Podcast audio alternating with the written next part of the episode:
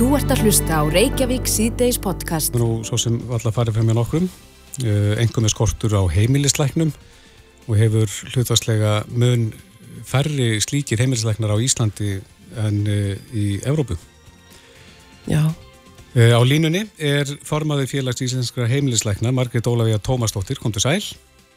Blessaður sæl, eða blessaður sæl. Já, hvað veldur því að heimilisleiknar gefa sér ekki upp til starfa hér á Íslandi? Eða, eða er þetta skortur á, á er það menn ekki að fara í þetta nám?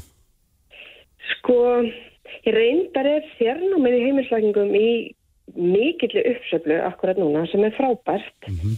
um, en við þurfum að býða eftir þeim í nokkur ár þannig til að koma úr sérnáminu í millitíðinni er í rauninni kannski bara sögulega lægð í fjölda heimilislækna þar sem að hans er margir af þeim frumkvölum sem í raun kannski komu stjættin og laginnar hér á landi eru að detta á eftirlun akkurat um þessar myndir mm -hmm. og þannig í rauninni færri og færri með hverju árinu sem eru að starfa sem heimilislækna hérna. Þannig að nýliðinin hefur ekki verið sem skildi undan þar nár? Hún hefur í rauninni, nei, ekki fyrir en bara rétt núna kannski síðustu fimm ár þar sem að séð námið hérna heima hefur bara mjög svættvaksan Já, hvað er langt í að þeir læknar útskrifist? Við sjáum fram á þessa lægð svona í fjögur ári viðbót eitthvað svo les. Akkurat núna er um 90 í sérnum í heimilslækningum á Íslandi og það eru svona, já eins og segja, svona fjögur að við getum búist við að þeir fari að, að, að snúa bylginu almennilega við. Mm. Hefur það verið tettið út hversu lang byggð er eftir heimilislækni í dag? Já, við erum erum flest allar heilsugjastlur með góðan mónitor á því hversu löng byður á hvaða tíma. Yfir sumatíman er mjög erfitt að segja því margar stöðvar eru kannski fyrst og fremst að sinna bráðaþjónustu akkurat yfir þennan mesta sumarleifistíma en undarfarna mánuði höfum við séð alveg 6-8 vegna byð almennt séð eftir tími heimilstöðum sem er náttúrulega allt og allt og langt. Mm -hmm. En hvað þurfa margir að skrá sig í heimilisleikna námið til þess að standa undir nýliðuninni? Samkvæmt okkar útrætingum fyrstu við að hafa 90-100 manns í sérnáminu hverjum tíma og ná þannig jafnvægi í útskrift svona uppundi 20 manns á ári þannig ættum við að geta stoppað aðeins í gatið og í raunni viðhaldið því sem þarf. Mm -hmm. Hver er þessi tala í dag?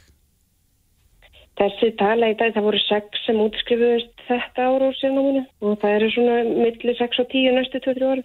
Já, en fólk er að fara það ekki í sérnámið út? Hérna, núna eru við með mjög öflugt sérnám hérna heima á Íslandi, en það var þannig þánga til fyrir stuttu að flestir fóru hlutanámsins út, já. Já. Lýstaðins fyrir okkur, hvernig er starf heimilisleiknisins öð, öðruvísi eða frábröðið öðrum innan læknastjættarinnar? Innan læknastjættarinnar, það er náttúrulega svona... Verði að vita lítið um margt? Í, já, ég vil nú ekki segja lítið um margt, þá er ég að tala niður stjættina mína. Já, já. Nei, við þurfum náttúrulega, við sinnum grunnþjónustunum og eigum að vera fyrsti viðkomastæðin í hilbískerfunu og í rauninni leggjum við út fyrir við séum sérfræðingur í manneskinni sjálfri mm -hmm. en ekki einstakar sjúkdómum og þannig þurfum við í rauninni að geta tekið á flestum þeim áskorunum sem koma upp varandi heilsu einstaklinga yfir lífsleðina. Veistu hvernig það er ná heimilisleiknar að, að afgreða málinn eða er, er aldingt að fólk sé sendt áfram til sérfræðinga? Það er ansi margt sem við náum að afgreða að fullu. Sumt sendir við til sérfræðinga til að klára úrvinnslega greiningu og fáum frá aftur tilbaka til eftirfylgdar. Svo eru náttúrulega þessi flóknustu vandamál sem að fara áfram til sérfræðinga og þurfa þeirra eftirfylgtir til lengri tíma. Já, akkurat. En þú sér fram á það að þetta að ástandi muni lagast á næstu hvað fjórum árum segiru? Verður maður ekki að vona það? Já. Þetta er, er náttúrulega algjörlega frábært fag til að starfa við þegar maður næra sinna því vel. Mm -hmm. Hættan er að þeirra álægið er svona mikið og við svona fá að þá nærum maður ekki að sinna vinnunni eins og vel og maður vildi og það er kannski helst það sem er að fæla fólk frá stjættinu eins og er. Að maður næri ekki að halda eins vel utanum sína skjólstæðingar og maður myndi vilja. Nei, er... og það er nú þannig að flest lönd hafa skilkjönda að það væri svona hæfilegt magn skjólstæðingar fyrir hvern heimilisleikni væri svona um 1000 til 1100 manns. Og staðin er núna þannig að hver veitin heimilisleikni hér á landi er með svona um 2300 til 2500 á sinni konu. Já, sem er alltaf mikið. Það er bara augl, augljóst reiknistæmi að það er alltaf alltaf mikið og þá nær maður ekki að gera hlutin eins vel og maður myndi vilja. Nei, og þetta náttúrulega er mikið álag á þessa stjætt? Þetta er bæði álag á stjættin en þetta lítir, lí, ítir líka álagi út í aðra hlýðar heilbjörnskerfisins og því að það sem við náðum ekki, náðum ekki sinna nægilega vel að það þá þurfum við að stjórnsleðingar frekar að leita á bráðmótöku og í aðra þjónustu mm -hmm. sem eigur líka álagi þar svo. Þannig að þetta er svona í rauninni vítarhingur sem rúlar áfram. Já, eru stjórnvöld meðvituð um þetta? Hefur... Við höfum í öllu falli reynd að vera hávar um þessi vandamál og, og félagið áttu nú góðan fund með ráþara fyrir stuttu síðan þar sem við vorum einmitt að ræða akkur þetta. Þannig ég vona það að eru stjórnvöld að sé að opnast og, og, og það verður þetta tekið til í heilbíðskerfunu með tillitið þegar þessa vandamáls. Já. Margrit Ólafíða Tómasdóttir, formaði félags íslenskara heimilisleikna. Við skulum vona að þetta já, horfi til betri tíðar varandi þetta. Kæra þakki fyrir spjallið. Takk svo mjög. Þú ert að hlusta á Reykjavík C-Days podcast. Mikið meir luti, 85,5%. Svöruðu spurningun í átandi en 14,5% sögðu nei. En eh, við ætlum aðeins að halda áfram að ræða þessi mál. Þetta kom nú aðeins fyrir í símatíma hérna hjá okkur áðan en þær eru með okkur. Ótniki Harðardóttir, þinguna samfélkingarinnar, velkomin. Takk. Og svo á línunni er Guðrún Hafstinsdóttir, þinguna sjálfstæðisflokksins, sæl. Já, sæl og blessaður. Ef við byrjum að þér, Ótni, þú hefur tjáðið um kvotakerfið og uh, vilt breytingar á. Hva, hver, hverju viltu breyta? Sko við í samfélkingunni við höfum talað fyrir uh, útbóði á aflaheimildum. Og við höfum talað um að við tökum lítinn hlut á hverju ári og, og bjóðum til ákveðin tíma. Mm -hmm. uh, og það er ekki bara til að fá markasverð fyrir kvotan uh, til að við getum hérna nota peningana sem að þá koma inn í, í velferðarsamfélagið okkar og uppbyggingu á innviðum heldur líka til að opna kerfið til þess að bjóða upp á nýliðun. Við erum með loka kerfi og, og það er nánast ómulagt að, að, hérna, að fara inn í kerfið sko, nema þá að, að kaupa kvóta af þeim sem að e, nýta hann í dag, sko, mm -hmm. dýru verði og þetta, þetta, hérna, þetta er kerfi sem er óréttlátt á svo marga vegu og eitt af því er látt veðigjald sem, að, sem að er ákveði í lögum. Uh, við fáum í kassan rúma 17 krónur fyrir kíla og þoski uh, en þegar að útgerðarmenninir er, er að leia sína milli þá borga þeir uh, tæpar 300 krónur fyrir kíla og þoski. Mm -hmm. Þannig að okkar veiðigjald sem að rennur í ríkisjóð stendur ekki undir þjónustu við greinina Nei. og síðan horfum við allan hennar hagnað frá janúar 2009 uh, til desember 2020 var hagnaður í greininni uh, 665 miljardar króna og af því fór sko, minna en 30% samtals í veiðugjald, í tekju, tekjuskatt og í tryggingagjald. Rúmlega 70% rann þá í vasa uh, útgerðamannina og þaðan uh, renna, rennur hagnaðurinn í vasa barnaðeira og erfingjana og auður sapnast á fára hendur, mm -hmm. greinu of stór, tegir ánga síðan að víða út um allt í, í, í viðskiptarlífinu og, og verður valda mikil og hefur áhrif á stjórnvöld og þarna er hættan. Mm -hmm. Guðrún Hafsnesdóttir, þú náttúrulega þekkið þessi mál svolítið vel í gegnum uh, formensku þína í samtökum innarins. Uh, þessi mál eru enn á ný komin upp á yfirborði. Hva, hvernig sér þú þessa nýju stöðu sem komin eru upp? Já, komið sæl. Ég, hérna, ég ætla nú bara að lýsa áhyggjum af þessari stöðu bara með mörgu fólki í landinu og ég skil vel að það er marg fólk, margir eru reyðir og, og mörgum er misbúði þegar að heyra af svona stjartræðilega háum fjárhæðum sem er að renna til farfa eins og þessi sala sínir. Eh, en Ótni nefnir nú hér að, að það sé vandamáli að greinin verði of stór en við mögum aldrei gleyma því að, að þetta er undirstöðu aðunningurum þjóðarinnar. Hún hefur verið það um aldir og hún hefur uh, verið stór og öflug núna á síðustu áratugum í íslensku samfélagi og það, við, það getur ekki talist slæmt ef að það er arsemi af þessari grein og að fyrirtækjum gangi vel. við viljum auðvitað þannig sé um sem flestar ef ekki allar atvinnugreinar. En skiptingin á arðinum, er, er fólk er svolítið að horfa í það? Já, en... en er hún réttlátt í dag? Skiptingin á... Á því sem að fæst fyrir greinina, það sem kemur upp á kassanum á lókum. Já, það er auðvitað bara uh, debatt eða ágreiningur sem við höfum, erum alltaf að ræða og það er alltaf verið að tala um hvort að það eigi að skatleika meira. Það er alltaf verið að skoða það og ég, uh, ég bara mælist til þess að svo sé gert áfram.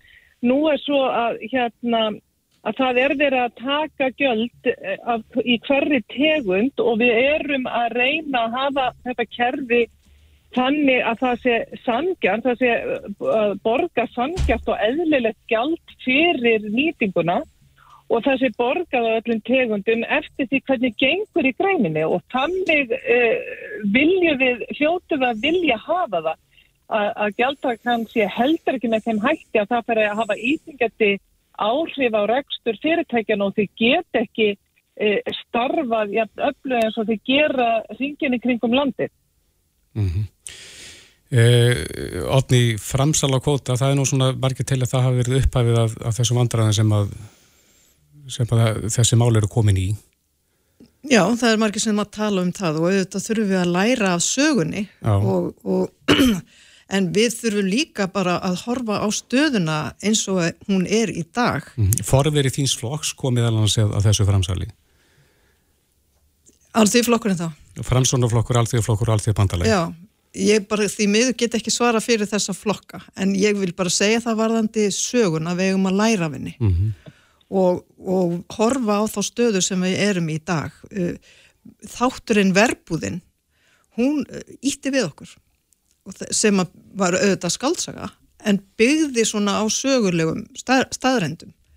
Það sem er að gerast í dag er raunveruleikin og þá teiknast upp fyrir okkur, bara beint fyrir framann augun á okkur, hvernig kerfið virkar eins og mm. það er í dag. En getur ekki orðið flótið að vinda ofan að þessu? Horfum... þarna hefur kvóti gengið kaupum og sölum, þannig að einhver hefur eh, reitt af, af hendi fjö Já, sko, ef, ef, ef, ef við horfum bara á samþjöppinina og, og lögin um stjórn fiskveðar sem, mm -hmm. að, sem að eru óljós og gölluð og það hefur verið vitað í mörg mörg ár að fiskistofa á í erfleikum með að vinna eftir þeim. Við þurfum að breyta þessum lögum. Núna er þau þannig að einn aðili getur uh, ráðið yfir 12% af útlutum kvota og hann getur átt 49,99% í öllum hinum útgjörðunum sem að fara með 88% sem út af standa. Og þetta þýðir að einn aðli getur farið með meiri, meiri hluta útlutans afla á Íslandi. Laugin leifa þetta og þessu þarf að breyta og hefður auðvitað löngu átt að vera búið að breyta e, og við höfum vitað það lengi og þau leifa svona samrunma eins og er að, er að gerast núna á milli síldarvinslunar og, og vísis eða þegar síldarvinslan kaupir vísis. Á ekki eftir úrskurðum það, hvort að En lög, eins, og, eins og þau eru tólku þá er það þannig að, að jú, samkemniseftiliti á að eftir að fara yfir Einu. en ef þú leggur uh, hérna útlutaðar heimildir saman þá er það tæplega 12% mm -hmm. og að, vegna þess að, að til dæmis samherji sem á eitt þriðja í síldavinslunni er ekki talin tengdur aðli hann er ekki tengdur fyrir hann á meira en, en helmingin skiljiði mm -hmm. og, og í því frumvarfi sem ég hef lagt fram þar er, er tekið á þessu málum og þar hefði ég vilja láta miða við 25% eins og er í lögum með raunverulega eigundur. Þannig að ef þú er 25% þá ertu talin tengdur aðlið því að þú auglastlega hefur, hefur ríka hagsmun að gæta og vilt hafa áhrif á og, og raunverulega áhrif á stjórnun fyrirtækisins. Einmitt. Þannig að við getum breytt þessu strax um leið og þing kemur saman það, það eru nefndir hafa fjallað um þetta afturubaka áfram, það eru til tillögur uh, það má nýta frumvarpið mitt sem eru byggðar á tillögum sem að, sem að hafa komið fram eftir vinslu í nefndum og, og það má taka á þessu mm -hmm. Guðrán, þú hefur verið á ferðalagi og hefur hitt svolítið fólk á landsbyðin og, og þessi mál hafa komið til umræðu. Hvað er þetta að heyra? Já, ég er nú búin að vera ferðast norður á ströndum og, og, og það er nú, sagan minnir okkur á það að lífið er nú margt, eh, það er forgengilegt og, og það standa stóra síldarvestur og sumar voru ekki einu sinni settar í ganga. Þetta eru minnisvarðar um stórhuga menn sem að ætlið sér mikla hluti og hérna og voru öflugur og stórhuga í sinni tíð en við eigum þessa minnisvarða og því miður eigum við þessa minnisvarða um bæjarútgerðir og, og stóra regnir sem hafa verið til vandraði mörgur sveitafélögum uh, sem að hýstu bæjarútgerðir og, og þær voru reknar eins og við mörgur vinum með miklum halla og voru að sliða rekstur sveitafélaga. Uh, þegar með tilkomi kvotakerfisins og framsalinu að þá opnast fyrir það að það sé hægt að hagraða í greininni og við skulum aldrei missa sjónar á því að íslensku sjávarútveður er hvað hafðkamastur rekstur hans í heimi. Og, og við getum verið stolt af því íslettingar að ég held að við sem einn fára fjóða sem erum að reyta öllu að sjávarútveg sem er ekki ríkis styrstur og, og það skiptir alveg gríðarlega miklu máli að gleima því ekki.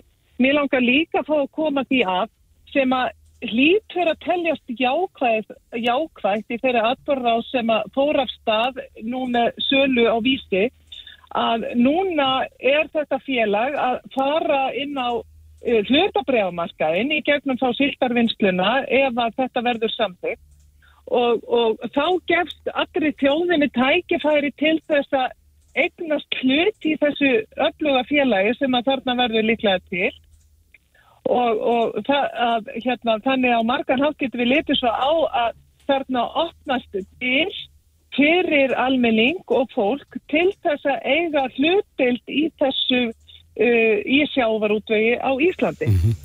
Nú en... ég langar líka að fá að nefna að e, færingar að því að Otni var að tala um það að það er að vera með útbóð og aflaheimildum að færingar reyndu það en þeir eru hættir þeir hurfuð frá þeirri aðferð og hún taldist bara ekki nógu góð fyrir þá. Þannig að þeir hurfuð frá því að bjóðið kvota en ég vil bara ítrekka það sem ég segi að, að sem ég sagði hér í upphæfi að ég held að, að, að þetta mál allt saman íti undir það að við munum vilja skoða, rétt þess að opnið segir, hámark uh, kvóta ygnar sem og tengsmilli aðla og hvað teljist uh, tengir aðlar. Er, er það vilji innan þingsflokks að, að fara í endur skoðan á því? Ég, ég ætla ekki að ræða að því nú eru bara allir í sömafríum og hérna En mér þætti það ekkit óleiklegt að fólk sé tilbúið til að skoða það hvað eigi að vera hámark þóttegnar sem á þá tengsmiðli aðla og hvað teljist tengdir aðla. Og eh, ég er ekkit frá því að við í sjálfstafsfloknum séum líka sömulegist tilbúin til að skoða það með opnum huga hvort að til dæmis skráð félög að mættu eiga þá kannski meiri kvóta heldur en enga félög og hérna þannig að við erum tilbúin til þess að, að skoða margt í þessum efnum og, og ég vil bara leggja áherslu þá að, að, það, að það er gríðarlega mikilvægt að það skapist sáttum þessa atvinnugrein í landinu þannig að við getum öll verið stolt af sjár, sjávarútvegnum okkar sem við eigum auðvitað að vera. Erst þú ekki samanlega því, Odni, að, að við getum verið stolt af mörgu sem er að gerast í greininni. Já, algjörlega, algjörlega. Og, og þarf ekki að fara varlega í alla stóra breyningar? Sko, þó að, að uh, greinin standi vel og, og það sé nýsköpun og alls konar skemmtileg heit að gerast í kringum um greinina og þetta sé góður vinnuveitundur út um, út um uh, landið, þá er það ekki afsökun fyrir lágu veiðigjaldi eða að, að, að, hérna, að við séum að færa fáum aðlum uh, auðlindin okkar á sylfurfati. Það er ekki, sko, það, það er ekki einhvern veginn afsökun, við erum stolt af, af sjávarutum, hann, hann er í sögu og sál þjóðarinnar, sko. En, en það sem að ágreiningurinn er um og sem að veldur öllu ósættinu er uh, veiðigjaldi sem er allt og lágt og að kerfið er lokað, uh, nýliðin er nánast ómuleg og og kvótin í rauninni erfist á milli kynnslóða og það verður til elita í samfélaginu sem, a, sem að græðir óhemju á þessu. Hagraðingin sem að fyllt hefur uh, þróuninu og söguninu og framsalinu, hún er góð og hún gefur útgerðumennunum e, hérna góðan arð. En kostnaðin ber að sjáabiðirnar. Það er þannig. Já. Uh, rétt aðeins í lokin, Guðrún, getur þú tekið undir þessi síðust orð hennar odnýjar að það, þur, það sem þarf að breyta? Hækka veiðigjaldið? Já, ég bara alltaf ítrekka það sem ég sagði hér upphafi að það, mér finnst bara mjög mikilvægt að við horfum á sjávarútu eins og, eins og hverja aðra atvinnugrein og að það, að það sé borga sandgjart og eðlilegt gjald fyrir afnóta auðlundinni og, og hvað það á að vera. Við höfum alltaf verið að skoða það. Það var skoðað á síðasta kjörtímabili þar sem að veiðigjöld voru aukin upp, í uppsjávarveiðum til dæmis þar sem að það þútti sínt að þar væri arsinni meiri heldur en menn gerður á fyrir.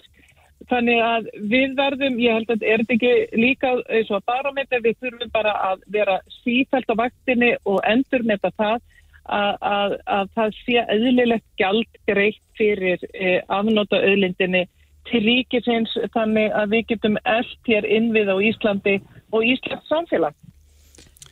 Já, rétt aðeins í lokin, Odni. Já, en því miður þá eru stjórnarflokkandi sem eru núna við völd, þeir, þeir hafa passað upp á að breytingar verði ekki miklar á, á kerfinu og, því, og þess vegna er svo mikilvægt að, að fólki fyrir utan þinghúsið e, láti í sér heyra og segi til um hvers konar breytingar þeir vilja til þess að hjálpa okkur hinnum sem að viljum gera breytingar á kerfinu í áttir réttlætis til þess að koma því í verk. Mm -hmm. Otniki Herradóttir, þingkona samfélkingarinnar og Guðrún Hafsnæsdóttir, þingkona sjálfstæðarflokksins. Kæra þakki fyrir að taka þátt í þessu spjalli með okkur. Takk fyrir. Já, takk fyrir. Þetta er Reykjavík C-Days podcast. Já, það er hásumar mm -hmm. og það er ímislega sem þarf að passa ef maður á gæludýri, það ekki? Jú, og Evrópabúar hafa nú sérstaklega sunnu hverju verið að glíma við mikla hýta. Já, ástandi þar er ekki kannski mjög gott fyrir gæludýrin. Nei, og hefur nú oft verið rætt um uh, það að stilja gæludýr eftir inn í bifriðum, í, miklu, í miklum hitta og sól, Já. sem að getur einst lífsættulegt. En við erum kannski ekki að glíma við það mikið þessa dagana hér á Íslandi. Nei, sem betur fyrr. En eitthvað annað þurfum við að hafa í huga, varandi gæludýrin okkar yfir sumatíman. Og línunni er Hanna Arnársdóttir, dýralæknir á dýraspítalunum í Garðabæn. Kom til sæl. Sælverið. Já, þurfum við eitthvað að spá í þessi mál hér á Íslandi? Getur orðið það heitt hér að gæludýrin geta verið og þá kannski sérstaklega hundar í hættu inn í bifröðum? Það getur vissilega orðið heitt inn í bíl þó að sé kannski ekki hár lofthauðu úti ef að sólinn skinn beint inn og dýri kemst ekki í, í hérna, skugga. Mm -hmm. Þá er náttúrulega erfitt fyrir, fyrir alla. Við veitum hvað okkur líður ítla í hitta og þau hafa náttúrulega bara mögulegan á að kæla sig með tungunni, mm -hmm. Þannig að, og svo er kannski það sem að við þurfum að eða verður skindilega heitt uh, og fólk er að reyfa hundana mikið, þá getur orðið ofitnum líka. Já, ef, úti bara í göngutúri eða á hlaupum eða slíkt? Já, ef fólk er að hlaupa, láta hlaupa með hjóli eða slíkt, eða það er sól og, og, og sérst, einhver lofthitti kannski pluss 15 gráður, mm -hmm. þannig séð, uh, og sérstaklega hundar þá þá er kannski aðalega þessi hundar sem eiga er með að kæla sér fyrir sem eru þessi flatnefja hundar. Já, hafið þið fengið slík tilfellin á bort til ykkar í sömar? Já, bara eh, áður en ég fór í sömarfrí þá var eitt svolítið tilfelli með svona franskan bólabít sem var bara á vennilegri, í sjálfur sér vennilegri gungu en þann dag var heitt, það var áður en að kuldakasti kom. Mm -hmm. Þannig, og hann kom inn með 41,7 stegi hitt og, og þurfti bara meðraðstofa en það gekk vel og hann fór heim en, en sko, nú hefur maður haldið eins og það eru náttúrulega gælutir út í heimi ellendis og, og það er mjög heitt þar. Hvað fórla svona hundar já, hundar og kettir þá aðalega, mikinn hita? Svo gott sé þeir þóla ekkert meiri hitt en við já. það er bara eins og, og hérna maður það líka hafi huga að sko malbygg og stjættar verða heit, sandur er heitur Þannig að það eitt er að, að, að þau ofitna og hittir sín að þau brennir hennilega á þeim snertiflutum sem að þau þurfa að fara yfir til að komast ferða sinna. Er það algengt? Uh, það er náttúrulega fólk út í heimi er kannski meira að passa þetta. Já, ég er að menna hér. Nei, það er ekki algengt hér. Það er bara mjög sjálfgeft en, en það, það kannski myndi gerast á sama hátt hjá okkur. Mm. En það er aðalega að fólk er að, við höfum fengið þess að hunda inn þegar fólk hefur verið, eins og sömurinn bjóðum alltaf upp og við förum aðeins meir út að reyfa okkur, við förum við gungur, fjallgungur og við förum á kjól og við förum út að hlaupa og þá þarf hundurinn sérstaklega þegar hann er í taum og þannig að fylgja okkar hraða og hann er náttúrulega húsbóndahallur og hleypur með en kemur síðan í ljós þegar kemur heim að, að hann hefur kannski tekið ofan af svona eins og ostaskera af öllum sínum þófum mm. og það er sást náttúrulega. Já. Einmitt. En að því að tala um þessa ofhittnun og sérstaklega þegar að kannski hundar að fara út að hlaupa með eiganda sínum, er, er einhverjar hundategundir sem eru verð til þess fallnar að, að hlaupa? Það eru náttúrulega þessir flatnið við hundar. Þeir nota trínið ekki bara til að finna lit og draga andan í gegn, heldur líka til að kæla sig mm. og það er bara mun, minni flötur til að kæla niður þar.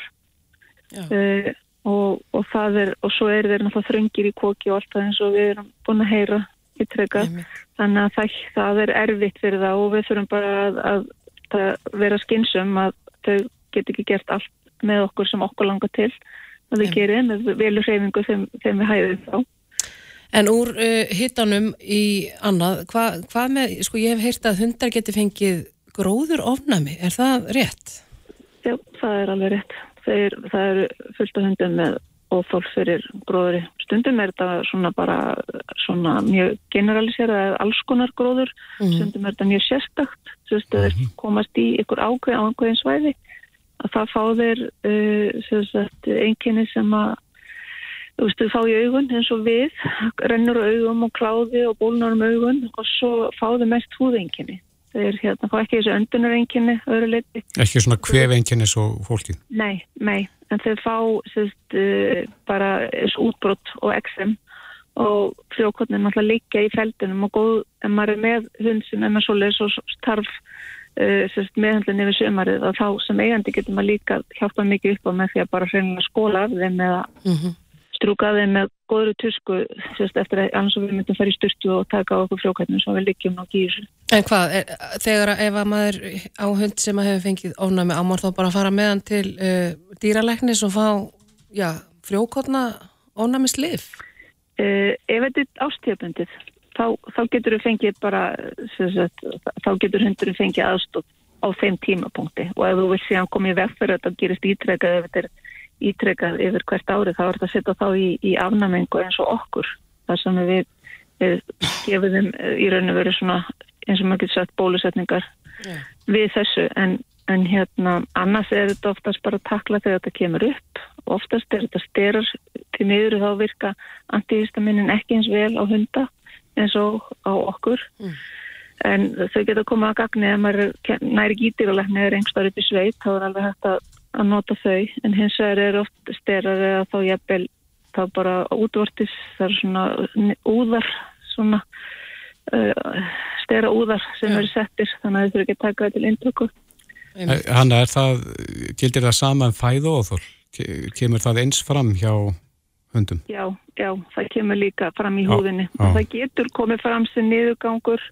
Oft er það sérst, fæða óþól en ef það er ofnæmi fyrir matnum þá kemur það sem útbrott líka. Róði sérstaklega í maður getur sagt það þar mm -hmm. axilunum og, og í nára og inn í eironum og þófum og það sem er svona og stundum er þetta alltaf bara sami staðurinn. Og meðan aðrir fá þetta útbreytara Rétt hans í lókjun og örstuðt hver eru svona helstu verkefnin ykkar yfir sumatíman hjá dýralagnastöðinni? Það er auðvitað þetta, sagt, maturinn aðskotar hlutir í meldingavegi, það er að fá bein og kettirni með stráin sem að þeir býta græs og þau liggja hún í kók og fara síðan upp í nef og ná þaðan út og svo eru náttúrulega bara alltaf slísinn og kesslunar og fótbrotinn og þetta. Hanna Arnósdóttir, dýralæknar á dýrispítalanum í Garðabæ, kæra þakki fyrir spjallið. Takk sem að leiðis. Bless, bless. bless. Frettir er á næsta leiti og svo höldum við áfram. Þetta er Reykjavík C-Days podcast. Vindum okkur aðeins út í umferðina. Sigur Ingi Jóhansson, innviðar á þeirra, hann uh, sagði í frettum stöða 2 að uh, tilstæði að Eh, taka gjald í öllum göngum til að standa undir rekstri þessara ganga og svo undir eh, ný framkvæmdum. Já, það er nú skipta skoðunar þessu. Einmitt, hann er komið til okkar, Runnólur Ólásson, framkvæmdastjóri FIB, velkomin. Já, takk. Eh, hvernig leggst þetta í ykkur? Já, við erum alfarið á móti svona vegtóllum almennt, hvort sem það eru göng, brýr eða aðra framkvæmdir og hefum fengið mikið meðbyrjumið hjá þjóðinni varandi þá þá skoðun og þó að það sé orðin liðin um tíu ár síðan þá fórum við í allsærjar undirskriftarsöfnun á sín tíma út af hugmyndum um nýja vegtóllafa til og frá Reykjavík og við söfnum á einni viku undirskrift 41.500 uh, manneskna á kostningaaldri sem að líst því yfir að þeir vildi alls ekki slíka gjaldtöku. Við erum með ríflega skatta af bílum og umferð nú þegar með því mesta sem þekkist í nákvæmlega löndum okkar. En er það nót til þess að standa undir öllu sem þarf að gera? Nú höfum við sagt að því fréttum undanferðin árað vegakerfið er bara mjög vill á sig komið. Já, innviðið innviði þurfa virkilega uppbyggingu að halda og við vitum það að allt var látið svolítið reik og reik á reyðanum eftir síðasta hrun 2008 og í kjölfarið þetta hefur kostnæðun aukist bara við að viðhalda núverandi kerfi þannig að það þarf fjármagn en fjármagninu var í rauninni svo nömt skamtað að það var það er þeir peningar sem innhemtist af bílum og umferð fóru bara litlu leiti til framkvæmda þannig að e, við vitum það að, að sem dæmi ef við kaupum elsnett á bílinn þá er um og yfir helmingurinn af útsöluverðinu eru skattar í ríkisjóð og þannig að það, það er veruleg skattenda sem á sér stað af umferðinni. E, stjórnvöld hafa haft ágjör að því að samhliða orgu skiptum í samgöngum þá séu herra hlutfall aukutækja sem ekki er að bera gjöld. Mm -hmm. og það er alveg skiljanægt til framtíðar að menn skoði leiðir til þess að ná gjöldum af þessum aukutækjum en við vörum við þeim leiðum að vera að fara í einhvers konar totla innhemdu það er allt og dýrt þetta fer upp úr sömu vöðsónum við erum lítið samfélag, við erum með tilturlega litla umferð en þetta er erfitt, erfitt land upp á það til að gera, við erum viðfem viðfemt eh, land með við íbúafjölda. -hmm. En nú hefur líka verið bent á það að það sem við erum að fá hérna allanlega fjölda velendu ferðamennum að þá komið þér til með að standa ströym af, af þessum gjöldum sem undir innheimtast? Standa ströym af, jú, þeir hafa, er hlut af umferðin, þannig að yfir hlut af árunum myndum við fá tekjur af, af velendu ferðamennum, mm -hmm. en eftir sýttu fólkið í byggðunum sem er all, allt árið og þetta er hluti jafnvel af uppbyggingu á, inn, á svæðum sem hafa myndað sameinlega sveitafélög. Þannig að við... Að þetta er vandrat að vegu greinlega raunverulega vegna þess að fólk vil fá betri vegi. Það vil fá e, alvöru hérna, mannverki og, og göng já, og brýr og slíkt en, en, en hvernig á fjármagnar? Ég hjó eftir því að sko að ráðherran nefndi að það væri núna í gangi ykkur vinna við að ég sko ígrunda framtíðar fjármagnun uh, vegaframkvæmda líka og framtíða skattlagningu á aukvöntæki mm -hmm. og það er því görbilding á þeim vettvangi. Og það er viðbúð og við sem félag höfum til að mynda fyrir löngu síðan lagt til að menn skoðu þá leið að í svo kallar kílometragjald og þá verður öll gjöld, hvað sem það er bifræðagjald, eldsnendisgjöld og aðri skattar af aukvöntækjum færi fram væri, væri innhemti gegnum þetta kílometragjald. Hvernig er það þess að tæknilega útverkt? Það er ekkert ósip og bara við borgum uh, gjöld af, af, af heitavatninu og ramagninu. Er það bara lesið við skoðun aukvöntækjum? Það er lesið við skoðun, nýju aukvöntæki komið getið skoðuna fyrir á fjórðári, þá gætu aukumenn farið einu svona ári í álestur, mm. það er bara áætlun með að við meðalagstur þegar bílin er kiftur og síðan til gjaldtaka eins og í mánu eða tekja mannafresti eða eitthvað í þeim dúr.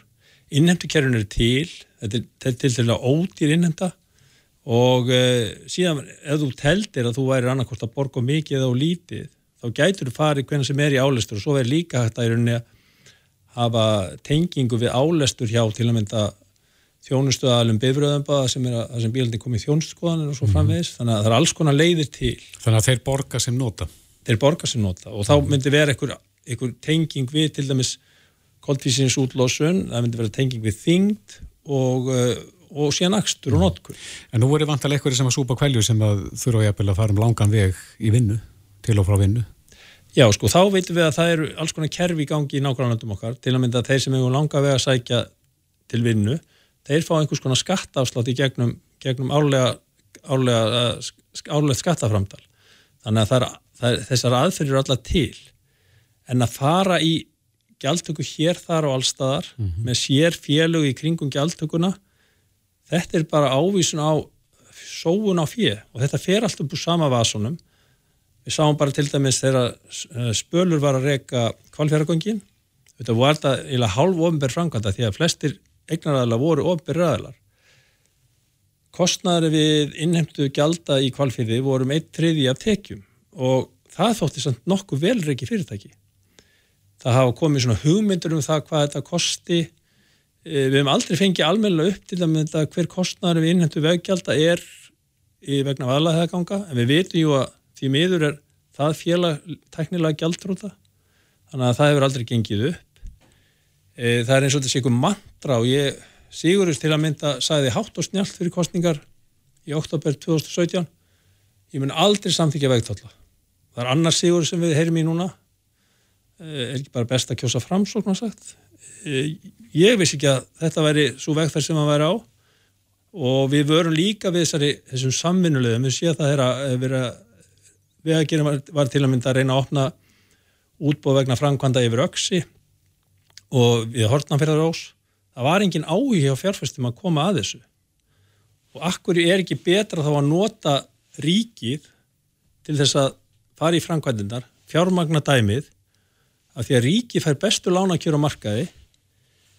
Það er þess að ríki getur þess að leita til innleldra aðalega eins og lífyrirsjóða eftir fjármögnun.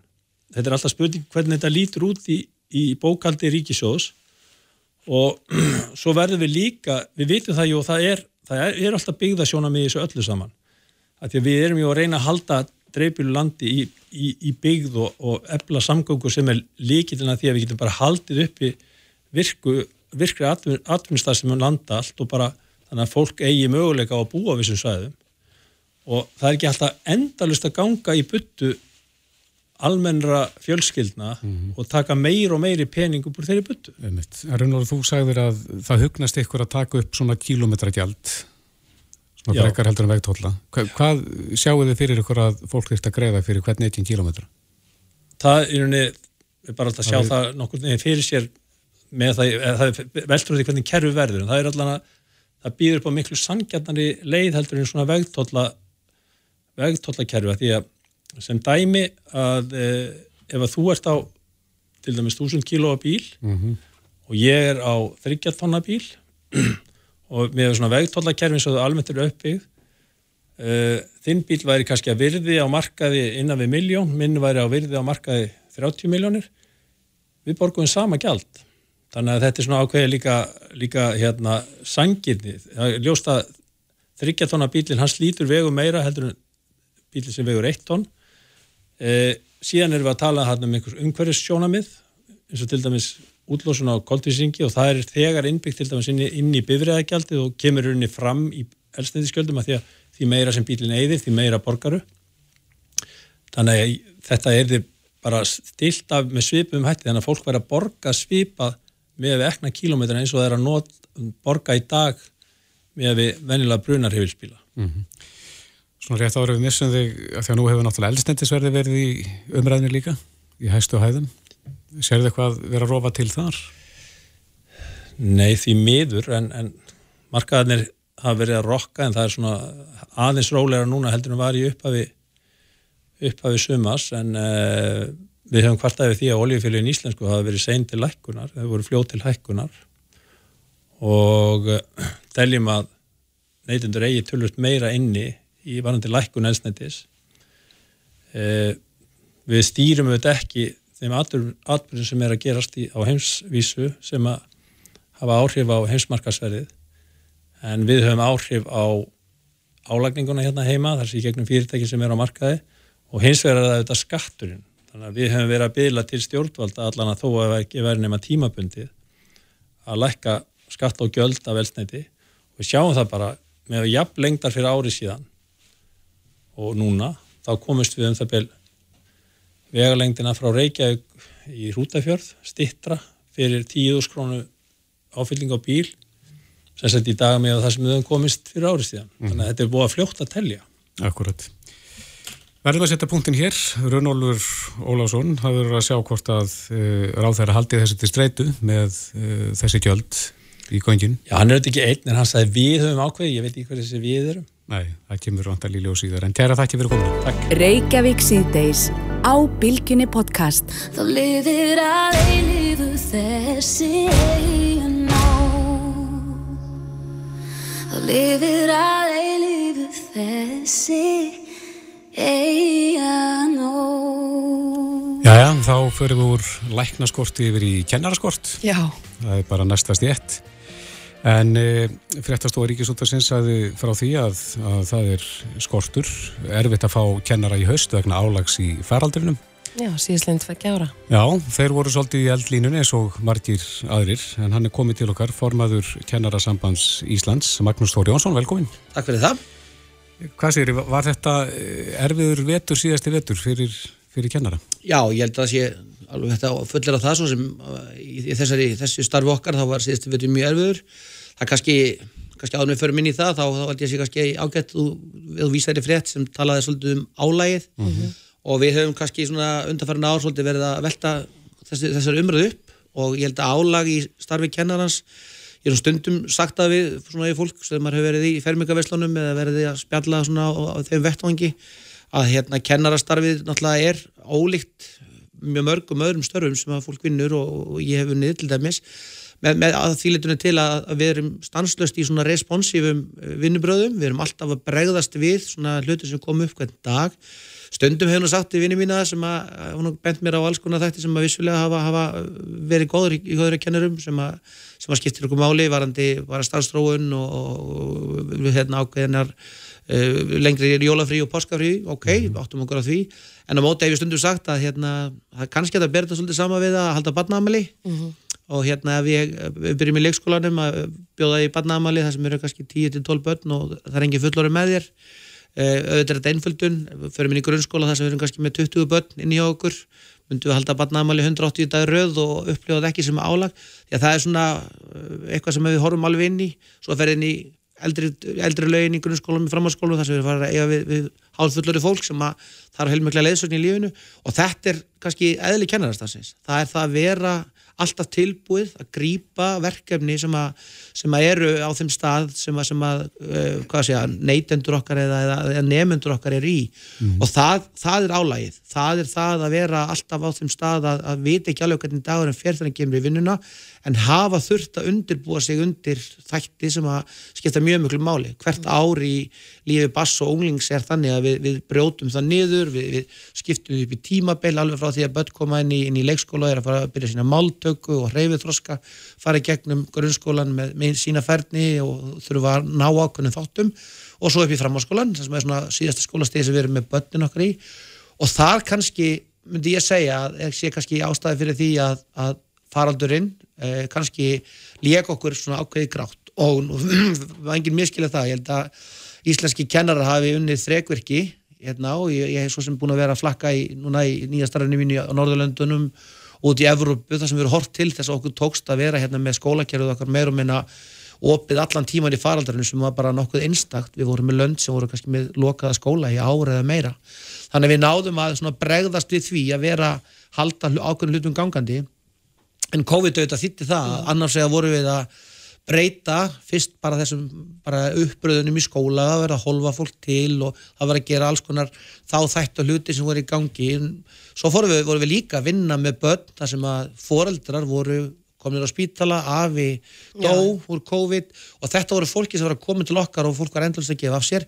Uh, þú vísir að síðasta vetur þá fáum við náttúrulega þessar nýju stöðu sem að varð mjög erfið sem að voru þessar sí endur teknu heima sóttkvíjar og sóttkvíjar sem var verið að fólk var sendi í ég veit dæmi um kennar Reykjavík sem fór í 13 sóttkvíjar á tímabilinu 1. oktober til 15. januar með öllu því róti sem það hefur á bara þitt persónulega prívat líf mm. bara börnin ykkar fjölskyldur og það allt og ofan, í ofanlag við þetta voru við að reyna viðhalda skólastarfi og halda áfram að kenna því að eins og ég fór í gegnum áðan að börnin þroskast og þau fara frá okkur úr leikskólum upp í grunnskóla, grunnskóla upp í framhálskóla framhálskóla upp úr.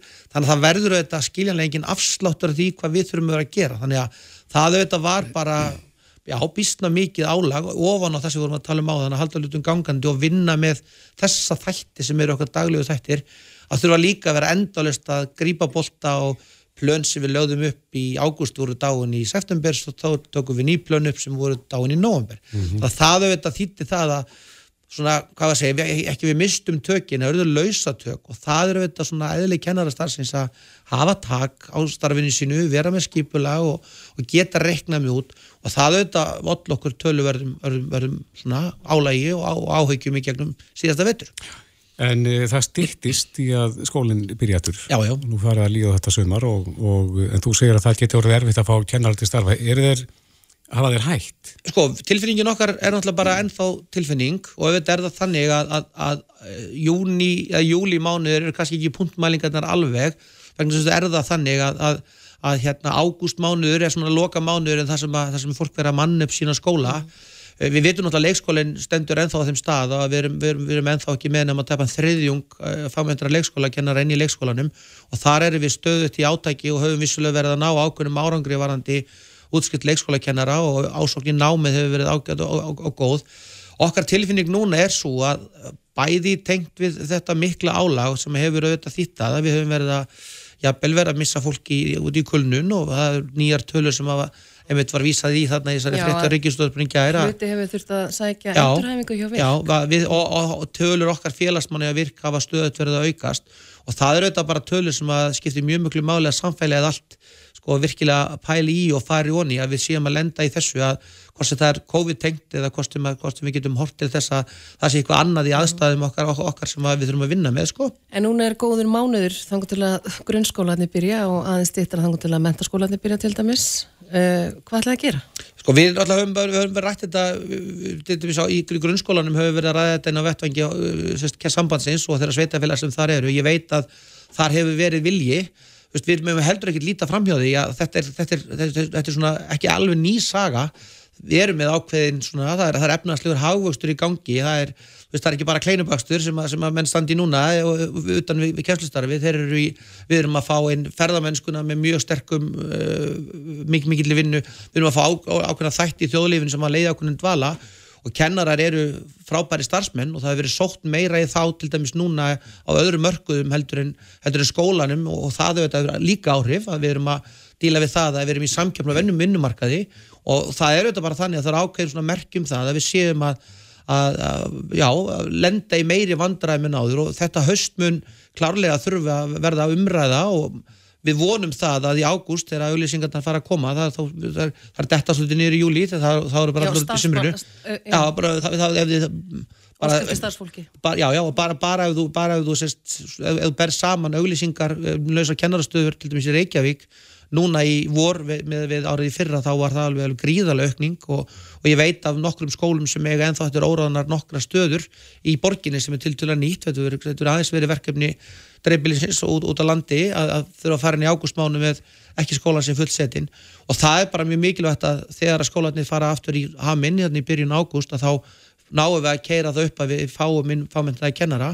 Því að við höfum áhyggjur, það, það er líka hækkandi meðalaldur, sérstaklega í efra lægi grunnskólans, að ke- kennarar sem eru að kenna úlingadeildunum okkar og hvað það er framhalskólanum, þá er, er okkar starfstætt að eldast.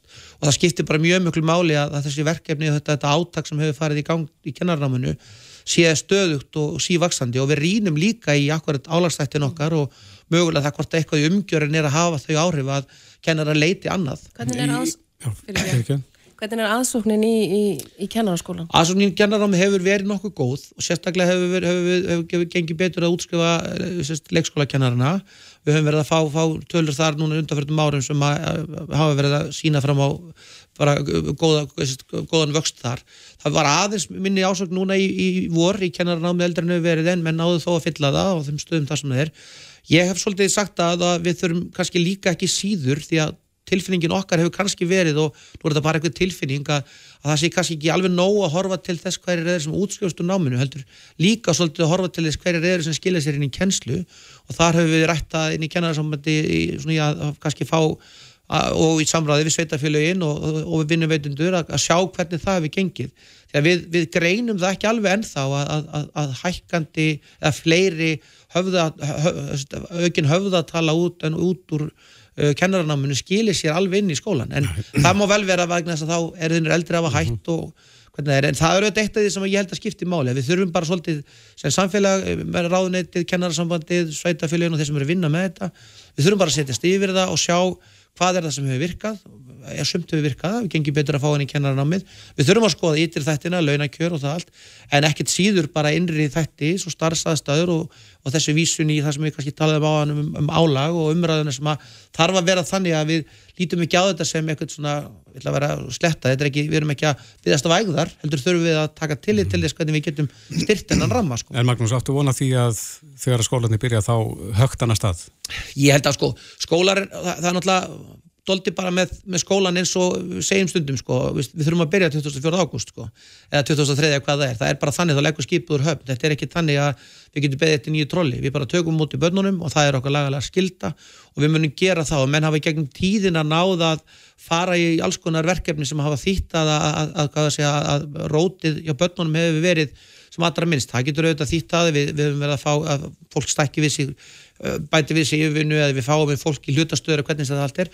En það er auðvitað bara ekki, kannski, það er ekki nóg að skipi siglast það, við þurfum að vera með það þannig mannað að við séum vissum það að, að, að, að börnin sem, sem eru þarna, þau séu tilbúin eða fáið þá þjónustu sem við viljum við séum að veita, þannig að við þurfum að vera metnað fyrir því að hvort það er leikskóli, grunnskóli, framháskóli þá séum við bara með bara staðan okkar fulla fagmentu fólki sem að bara sem að vill vera áfram í þessu starfi. En það er verkefnið. Hefur hirt um skóla sem eru verð stattir en aðrir?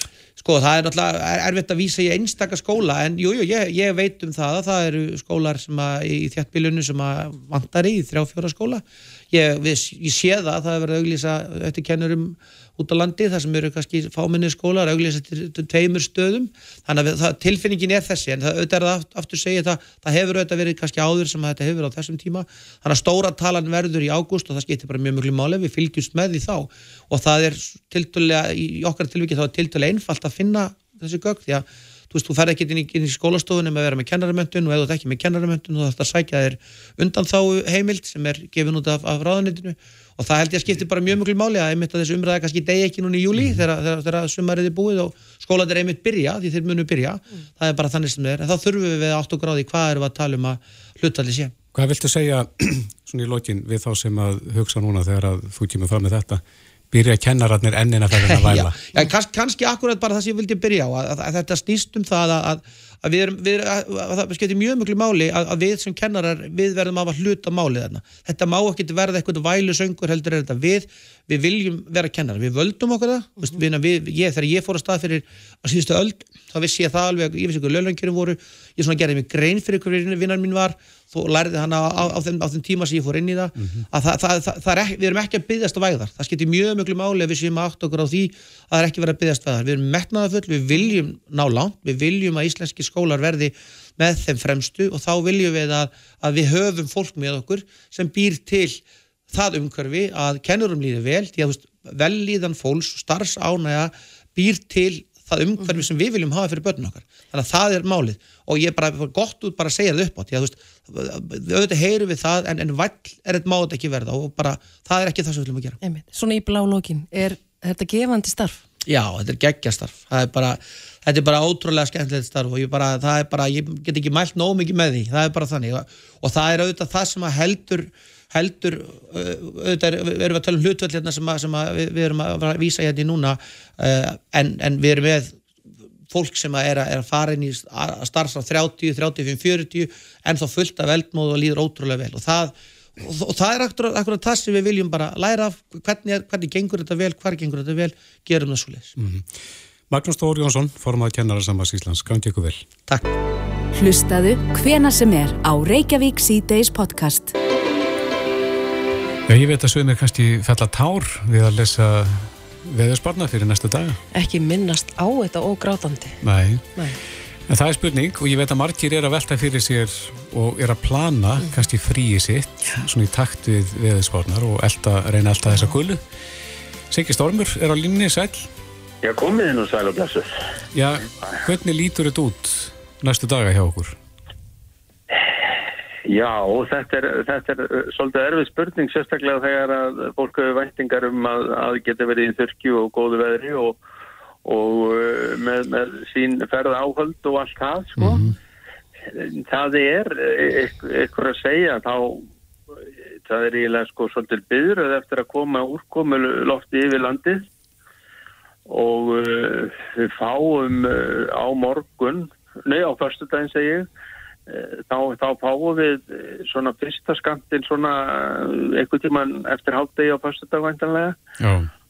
og uh, svo vex úrkominni ásmegin alveg fram, fram að kvöld og fram á kvöld og svo verður hún talsvist mikil aðfaranótt lögadagsins Er þetta allstaðar um landið eða?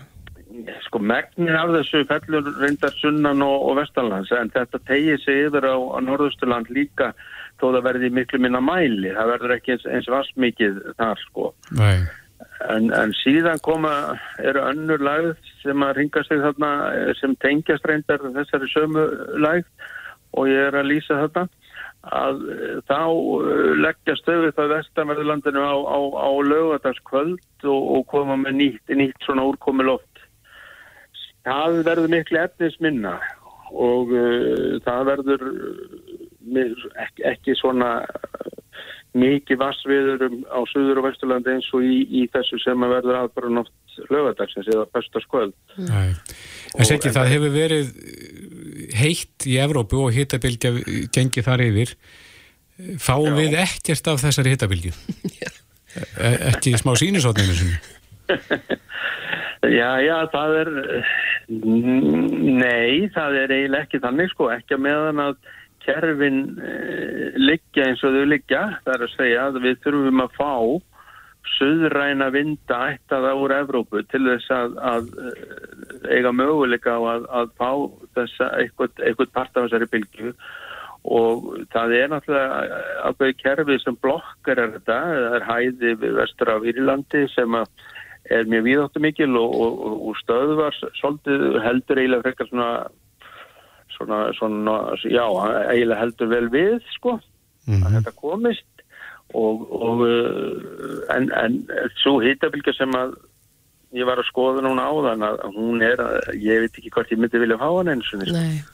Hún er, hún er þess aðlis að maður getur, getur reiknað sér upp í 40 og, og 60 stig á Suður Spáni og Portugal og Við erum bara að byggja um 12, 15, 20 Já, kannski mest, sko, ekki meira. það, eh, það eru svo aftur góðu Já. tíðindin sko að, að, að eh, við erum held ég svona ég geti sagt fyrir vind að þér varðar að svona í gróft séð náttúrulega e, e, það sem eftir lifir af þessu sömri að við erum nú svona, ég sé engar spá sem að svona draga hita niður í einnar stafa tölu að deginu. Mm. Nei. Það er þetta stórtíðindi fyrir eins og vestfyrði, norðanverða vestfyrði og, og rauvaröfn og, og, og, og þessi nýstu annes þar sem að norðanáttin er bara ísköld og það, er- það er horfir betur þar. En sérðu einhverja sól eða gott eður framöndan í kortunum? Ég, eh, sko, það mun alltaf koma smá glennur á milli þessara kerfa, sko, smá, smá glennur. Og, og, og það, er, það er kannski svona jákvæðu tíðindin í þessu, en síðan er þegar að þessi lægð sem tekur land uh, á fyrstu daginn, uh, þegar hún, hún er bara að um helgina, hún verður að störfum um helgina, uh, reyndar, eh, eins og segi, miklu efnisminni á, á, á, á lögutaskvöld og, og nær þá sennilega ekki einum að verulega litlu leitið í norður en svo er önnur í, í farvatninu sko og hún er að, hún er að reiknast á, á mánudaginn eh, svona síðdegis á mánudag eh, hún, hún er með svolítið eh, svona efnismikil skil sem að leggjast upp á sunnaverðurlandinu Mm. og tegja sig svona þegar að líður að, eftir, á svona eftir helgina tegja sig norður á yfir á Norðurlandi þó, þó að það verður nú svona slitrótt og, og, og, og en það kemur í veg fyrir að við fáum þessa gulu kannski í þeim mæli sem við hefum óskat sko. Já, einhvern tímann heyrði ég það að ef það er rigning í Evrópu, já, Já. Breitlandi, í Norðurlöndum og þá er sól hjá okkur, er það rétt eða? Það er svolítið mikið til í því nefnilega vegna þess að Það vona að- maður að fari bara að rigna hjá þeim, það ekki? Jú, jú, ég veist að þeir verður kannski, ég reyndar hefur nú verið svona stokkaleg rigning á Breitlandi en, en þeir verður sjálfsagt til í að fá alveg meira en, en, en, en, eh, en sko það er bara þannig að, að það, er, er ekki ástæðu lausi sem að breytar tala um Íslandslægðina. Nei. og það er vegna þess að með þe- þeirri lagð sem að annarkvort er suður fyrir Ísland eða svona, já, sleikir suður áttalandsins og stefnir svo yfir hafið rennandi blöyt og, og, og, og guðsar úr sér þegar hún kemur til, til Breitlands að það er, ekki- að það er ekkit, ekkit skrítið þó að þeir eh, já, svona er ekkit, ekkit par hittnir af þessari sendingu hérna, hérna frá okkur Nei, sko. þeir líti á sem sendingu frá Íslandi. Já, já, já, það er svo er náttúrulega virka kerfin þannig að við fáum alltaf að lítið svona frá Breitlandi, það er nema e, svona þeir eru einn sparsamir á að senda okkur okkur, okkur gott veður, sko. Akkurat. Rétt aðeins í lokin, Sigja, því við erum að fara að setja punktinn fyrir þá sem að eru í frí og vilja elda góða veðri. Hvar, hvar verður besta veðri núna næstu daga?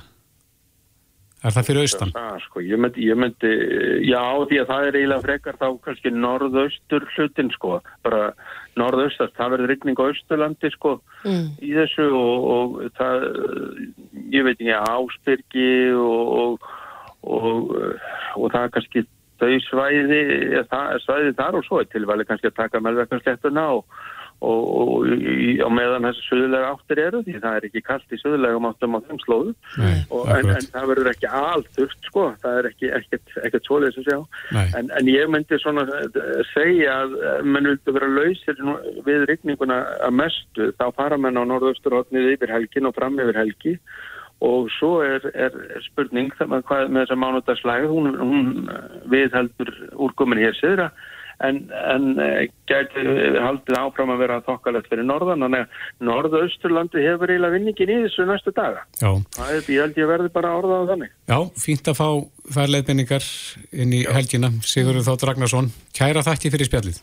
það var nú lítið Reykjavík síðdeis á Bilginni podcast. Að mér finnst hún svona óvinnu græn, svona miða við fyrir ár. Já, að þessi búið að hérna rækta þá. Já, og síðan tók ég eftir líka í Úlósadal. Mér fannst svo fjólublár, svona fjólublár hlýðar. Já, var lúpínu og þetta var óða fallegt. Einmitt. En það er spurning hvar við stöndum í dag. Já. Íslandi er náttúrulega breytt frá því var hérna bara fyrir einhverjum tögum ára síðan. síðan.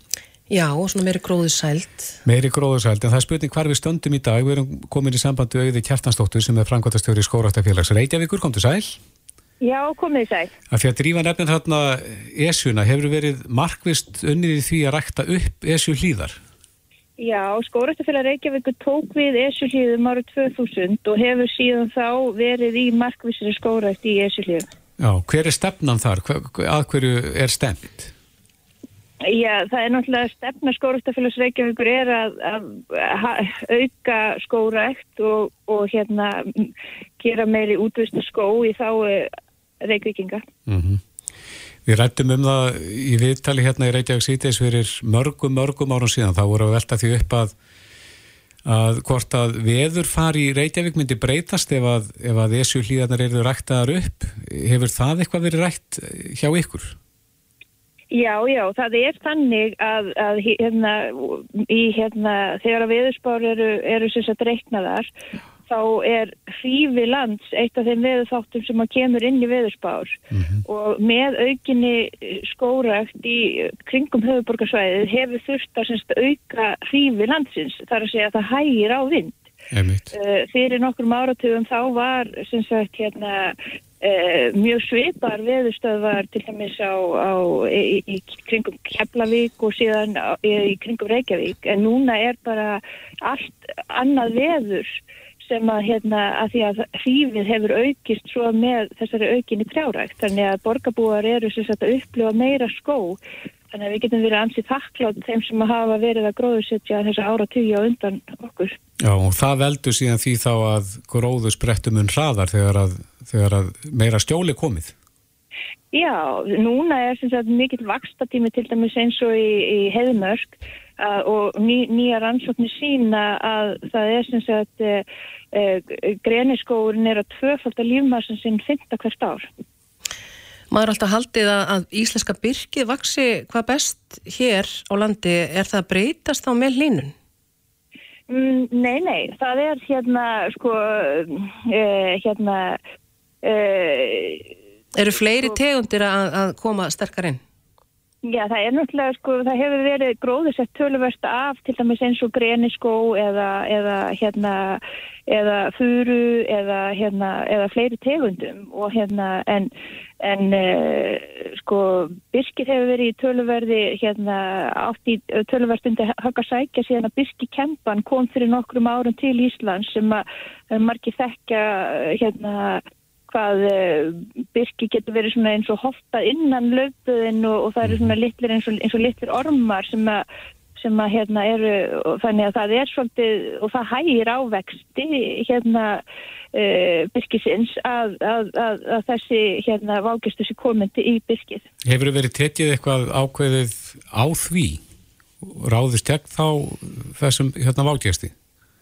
Já, það eru sem sagt sko, uh, það eru sumir sem að vilja hérna uh, flytja inn bara svona náttúrulega varnir þannig að það sé sem sagt einhver pappa sem að getur þess að lifir á þessari lirfu þannig að hérna að þá, þá myndi sem sagt náttúrulega varnir geta bara hérna það þýðir og að lítið að eitra akkurát fyrir þessari byrki kempu og, og það er náttúrulega væri aldrei hægt að að hérna eitra alla skóa landsins sko og engi vil það. Hvaða patta getur Birki kempuna?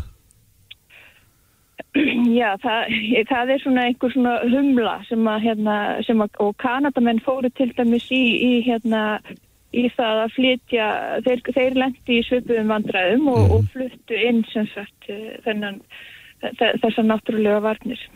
Er það sem að maður sér á, á byrkitrjánum, þessi litu, þessi sérkennilegi brúni litur á löflunum? Já, já, já, já. Og það er til dæmis hérna Þorstein Tómasson sem sittur í stjórn skóratafélags Reykjavíkur. Hann hefur verið að fjalla mikið um þetta mál og, og hann verið, hann er til dæmis höfundur af, af hérna, sem er eitt sko algengasta byrkið í trjágörðum reykjökinga og, og flestra ísendinga sem vex mjög svona beinvaksau og fallegt uh, byrkitré uh, og hann hefur rita tölverst mikið um, um þetta, þessi mál og, og, hérna, og vill endilega að hérna og hérna, en, en skóratfélag Reykjavíkur hefur kannski ekki álíkta akkurat um þetta mál. Nei, en hefur verið tekinn ákvarðun um að flytja inn þessa humlu Nei, í þessum tilfangi? Nei, það er raun og veru og, og skóratfélag Reykjavíkur er ekki að flytja inn einni neitt og það, þetta er eitthvað sem þurfti sko eh, hérna skóræktin sem að er sem sagt eh, ríki sem að myndi hérna sem að myndi taka á því máli. Að það er viljið til þess, segir þú?